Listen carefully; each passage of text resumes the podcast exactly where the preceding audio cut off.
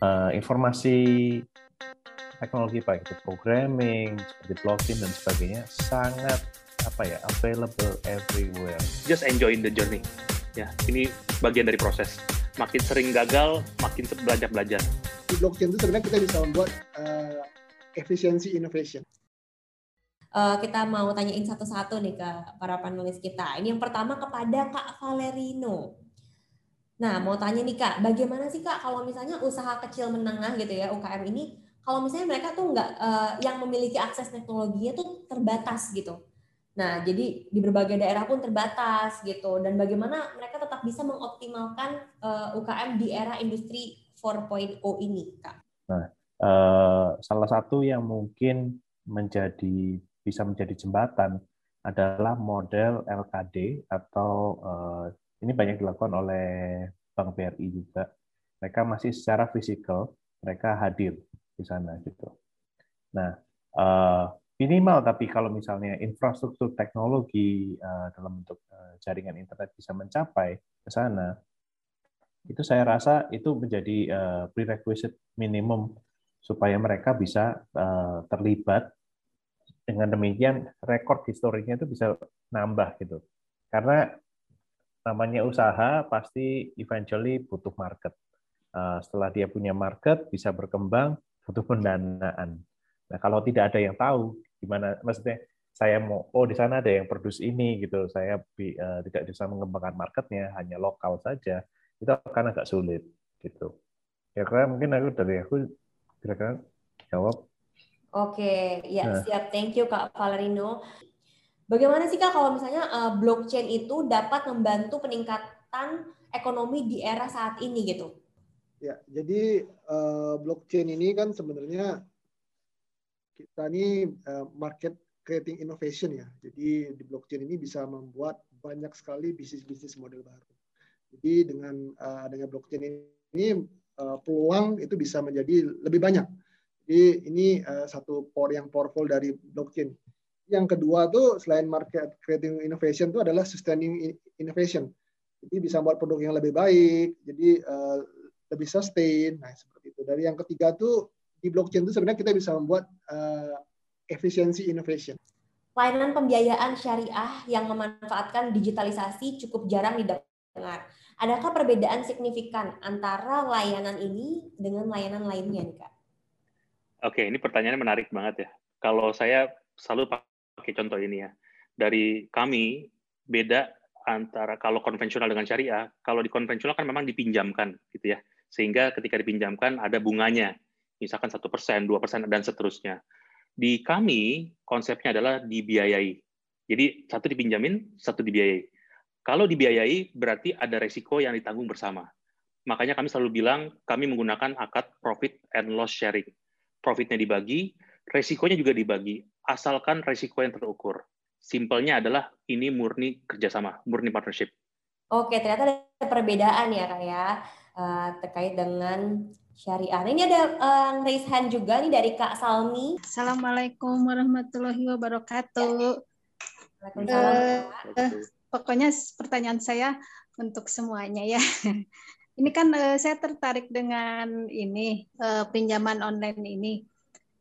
Nah, bagaimana kalau ada sebuah proyek tapi kecil gitu, ingin meminjam dana seperti itu bisa enggak? Bagaimana prosesnya?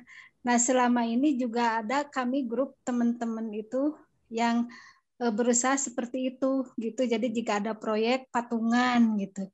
Tapi kecil-kecilan. Nah, kalau ingin bergabung ke sini bisa enggak gitu. Terima kasih. Wassalamualaikum warahmatullahi wabarakatuh. Oke, thank you Kak Salmi buat pertanyaannya. Nah, ini mungkin bisa bantu dijawab nih Kak. Mungkin dari Kak Ronald dulu. Ya. Nah, dari saya sarannya adalah Ibu bisa coba cari di online, Bu. Di OJK aja dulu ya. Karena semua platform yang memang boleh beroperasi sudah harus diregulasi oleh OJK. Jadi Ibu bisa cari-cari pembiayaan online gitu ya Bu ya.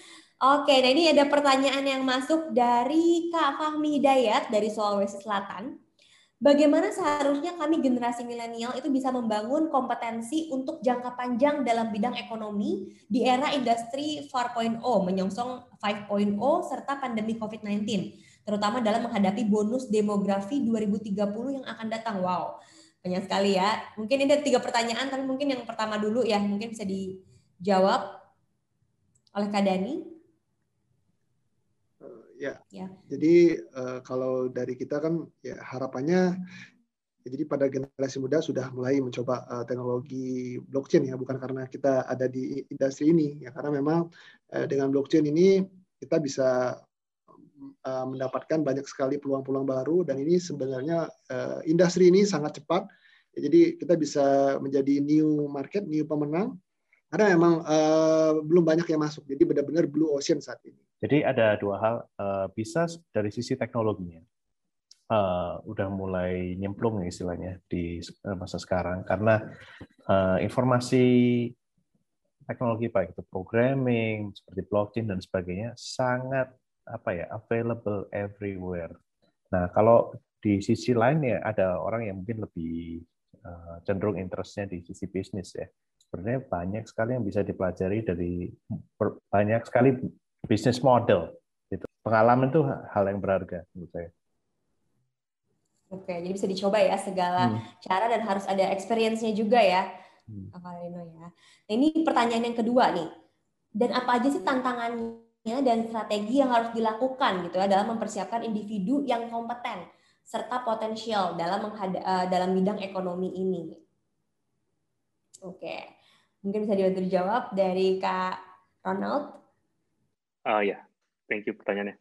Uh, balik lagi ya, ini sebetulnya penting banget buat Hmm, teman-teman melek dulu gitu ya, ngerti dulu. Mungkin yang tadi disampaikan oleh Bro Dani, Bro Valerino juga mungkin banyak yang baru buat teman-teman di sini yang datang.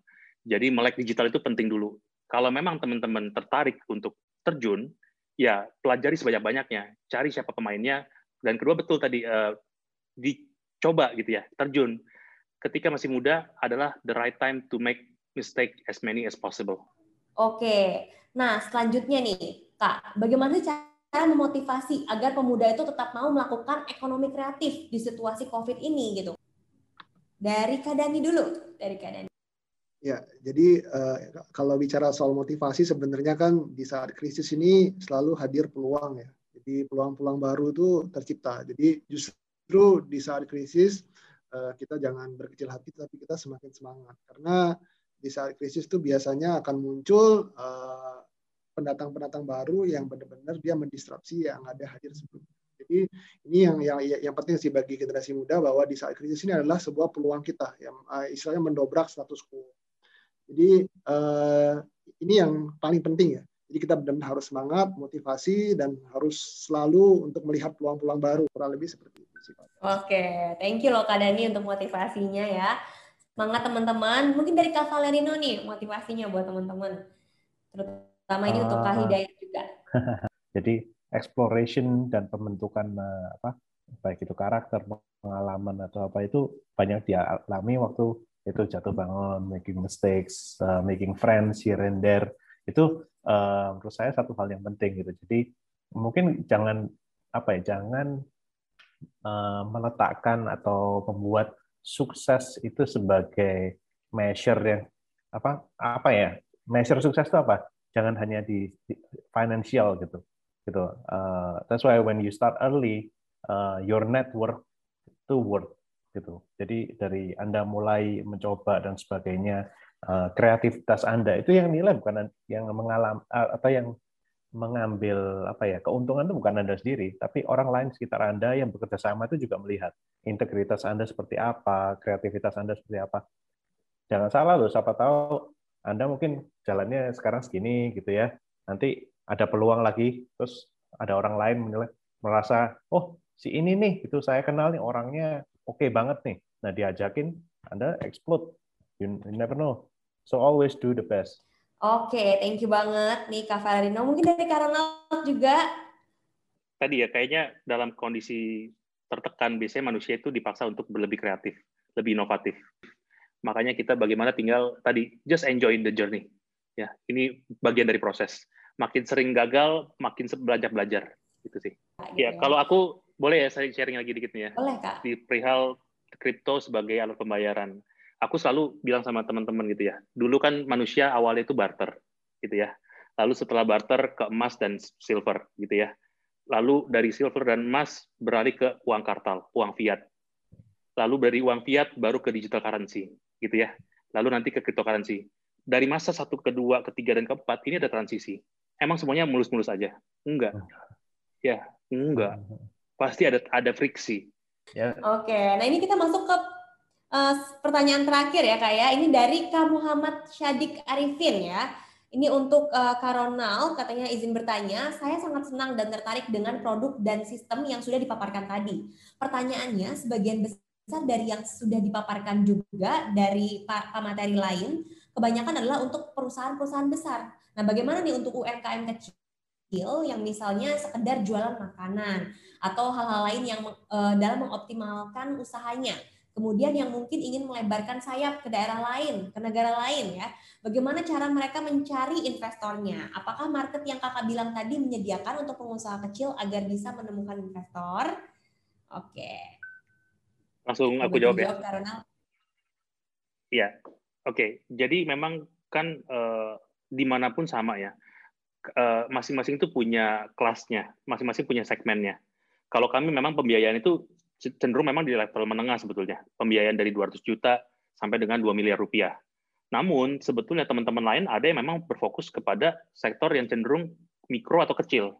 Pembiayaan dari 3 juta atau mungkin sampai 100 juta rupiah. Cuma tinggal bagaimana kita coba identifikasi secara online. Cari aja pembiayaan online gitu misalkan. Ya kan yang butuhnya misalkan 50 juta. Nah, jadi saran saya adalah uh, sebagai uh, calon pengguna pelajari gitu ya, explore juga yang ada di market itu siapa aja. Namun yang tidak kalah penting, pastikan sudah terregulasi.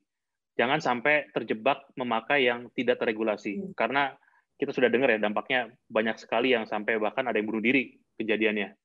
Ya karena dikejar debt collector dan sebagainya macamnya. Nah, jadi silakan sebagai PR gitu ya. Cari di online banyak kok pembiayaan online yang sudah terdaftar berizin di OJK misalkan. Nanti tinggal pilih itu mana yang sesuai. Nah, tips nomor dua, tadi bagaimana mengakses investor di luar misalnya. Saya selalu bilang, uh, kamu mau dapat investor dari luar negeri, mana platformnya? Platformnya pasti pakai bahasa Indonesia, gimana orang lain mau ngerti? Gitu ya. Jadi hal sederhana seperti ini yang tadi gimana create uh, campaign, create content, create message supaya orang luar ngerti. Ini yang uh, kayaknya seperti ini untuk Kak Valerino ya satu model teknologi terkadang dipakai untuk uh, oleh berbagai perusahaan kak, misalnya GoPay, OVO, InstaPay, sama-sama bergerak di bidang e-payment. Bagaimana sih strategi kakak atau tips untuk mengembangkan layanan ataupun produk yang berbeda supaya bisa dapat bersaing gitu kak? Oke, okay, thank you. Uh, jadi kalau kita tuh bedanya sama kayak GoPay itu jadi ada pembeda, ada pembedanya. Itu mereka tuh e-money issuer. Jadi mereka actually yang uh, misalnya bikin kredit kredit uh, uh, value gitu. Kalau payment gateway ini kita hanya di sisi uh, penerimaan pembayaran. Jadi di sini my main job itu adalah menyediakan sebanyak mungkin channel atau kalau saya bilang istilahnya pipa pembayaran saya itu saya bisa terima A, B, C, D, E, F, G. Anda nggak usah menghubungi mereka satu-satu gitu. Nah, salah satunya salah satu strategi yang kita awal masuk pada saat itu itu memang sudah ada incumbent player sewaktu itu di sini ya eh, di dunia payment gitu sudah ada terutama di e-commerce itu sudah ada. Nah eh, pada saat itu kita mulai start actually di sektor pariwisata. Sektor pariwisata ini eh, buat kami waktu itu kami mulai karena satu faktor human resources kami kebetulan orang-orang yang familiar di dunia ini dan mereka punya banyak koneksi di sana. Terus kedua, uh, buat kami sebagai apa payment gateway yang baru mulai, kami ingin, uh, actually semua orang ingin ya, uh, effort sekecil mungkin tapi gainnya sebesar mungkin gitu kan, seperti itu kira-kira. Nah, pada saat itu kami benar-benar fokus di ini istilahnya foreign inbound transaction. Jadi, I think identifying opportunity seperti itu yang nggak directly berantem dengan orang lain it's important gitu. Oke. Okay. Hmm. Ya. Seputus-putus apa tidak? Thank you ya, Kak. Jika pebisnis pemula belum menerapkan seperti yang disampaikan oleh Kak Dani, minimal menyiapkan apa aja agar bisnisnya bisa bertahan katanya gitu Kak.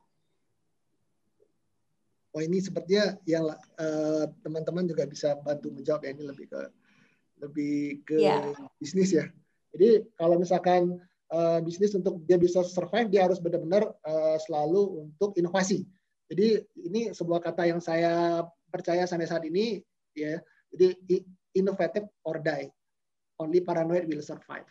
Jadi kita harus selalu inovasi dan kita harus selalu uh, belajar ya seperti itu. Oke, inovasi dan belajar ya. Pastinya harus ya. beradaptasi juga ya kak ya. Mungkin dari Kak Valerino nih, ada mau ditambahkan nih, gimana sih supaya bisa bertahan bisnisnya kak? Uh, perencanaan itu penting. So uh, antisipasi itu emang perlu gitu. Wow harus kreatif juga ya kak ya harus cari celah terus gitu ya nah mungkin nih kak Ronald udah unmute nih kayak mau menambahkan juga ya kak nggak sengaja itu. Iya, kalau aku mungkin nambahin aja ya. Memang tadi persistensi itu kunci ya kan untuk tidak gampang menyerah. Namun yang tidak kalah penting juga know your limit sebetulnya. Jadi kalau kita udah coba, coba, coba, coba, coba dan gagal, kadang kita jangan stubborn juga gitu. Memang mungkin bukan di situ rezeki kita. Oke, thank you iya. banget nih ya kakak-kakak. Thank you banget Kak Ronald, Kak Dani, dan juga Kak Valerino ya buat insight-nya hari ini ya, siang sampai sore ya, lumayan. Uh, ini benar-benar menambah wawasan juga dan memotivasi ya, khususnya anak-anak muda dan teman-teman yang sudah hadir hari ini. Oke, thank you banget kakak-kakak. Boleh nanti uh, dikembalikan lagi oleh tim ya uh, dari podium. Oke, dengan berakhirnya sesi lucky draw hari ini, akhir kata kami juga ingin mengucapkan terima kasih banyak untuk para panelis ya yang sudah menyempatkan waktunya. Ada Kak Valerino, Kak Dani, Kak Ronald, thank you banget. Terima kasih juga untuk media partner kami, ada Webinar ID, Pasbarpedia, dan Rumah Sarjana, dan juga sponsor kami In Circle dalam bentuk 5 tiket In Circle Talk 2021 ya. Dan juga terima kasih kepada Bapak Ibu, teman-teman yang juga sudah join Tekminar hari ini. Mohon maaf apabila ada kesalahan kata ya. Berharap semoga Tekminar kali ini bisa bermanfaat untuk kita semua. Terima kasih dan sampai jumpa di Tekminar Keren lainnya. Tentunya jangan lupa follow Instagram Keren di @keren Indonesia dan juga Facebooknya di Keren Entertainment Indonesia. See you and bye-bye.